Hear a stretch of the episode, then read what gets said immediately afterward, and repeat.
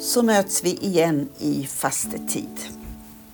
Equmeniakyrkans kyrkostyrelse är i fyra strategiska skeenden.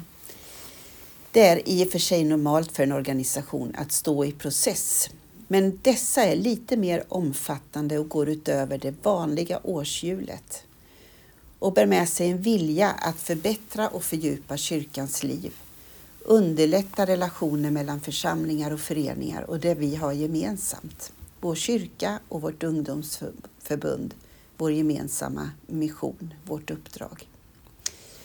I alla processer är det spännande att försöka tala sig samman för att finna det gemensamma bästa inför de beslut som behöver fattas.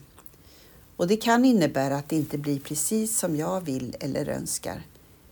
Men har jag fått lyssna till andras synpunkter och själv fått säga min, då är det lättare att leva med de beslut som fattas och som gemenskapen kommer fram till.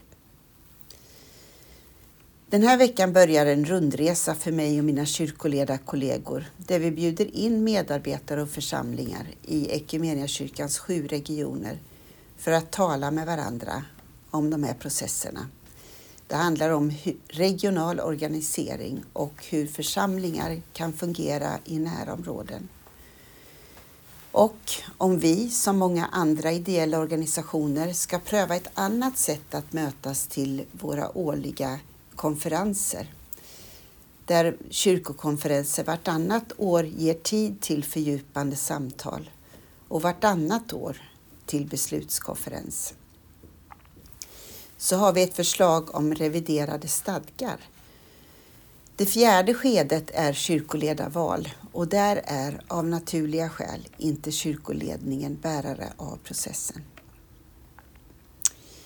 Vad har de här processerna med vårt liv, med Gud att göra, med vår tro?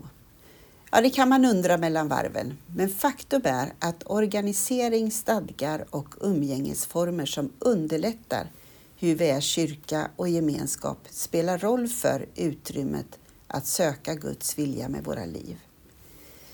Men det är inte främst ett papper, dokument eller beslut som i sig förändrar världen. De är ramarna. Det är det som vi fyller ramarna med. Livet som kan förändra världen. Bär gärna med dig de strategiska processerna i bön fram till kyrkokonferens i augusti och framför allt att samtalen på vägen dit får vara goda i betydelsen att vi lär och lyssnar till varandra. Om du är nyfiken på innehållet i den här processen kan du läsa om församlingsdialogerna på Equmeniakyrkans hemsida. Den här veckan ber vi för Region Stockholm och idrottsskolorna i Kongo Brazzaville dit vi just har sänt två ungdomar som volontärer.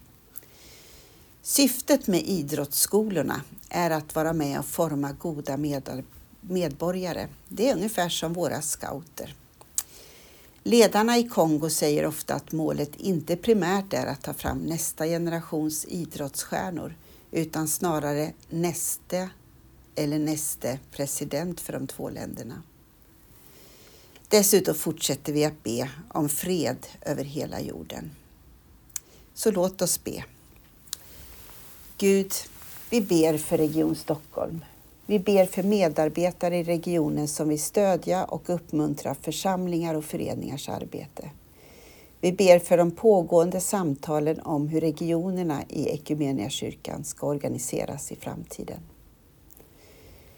Jesus Kristus, vi ber för idrottsskolan i Brazzaville och filialen i Mindoli som drivs av Evangeliska kyrkan i Kongo-Brazzaville. Hjälp ledarna att se och uppmuntra alla barn och att vara goda förebilder som föregår med gott exempel. Led, välsigna och beskydda våra idrottsvolontärer.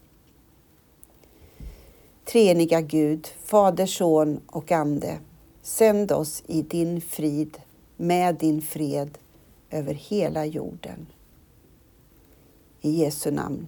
Amen. Så önskar jag dig en god fortsättning på dagen och en välsignad helg så småningom.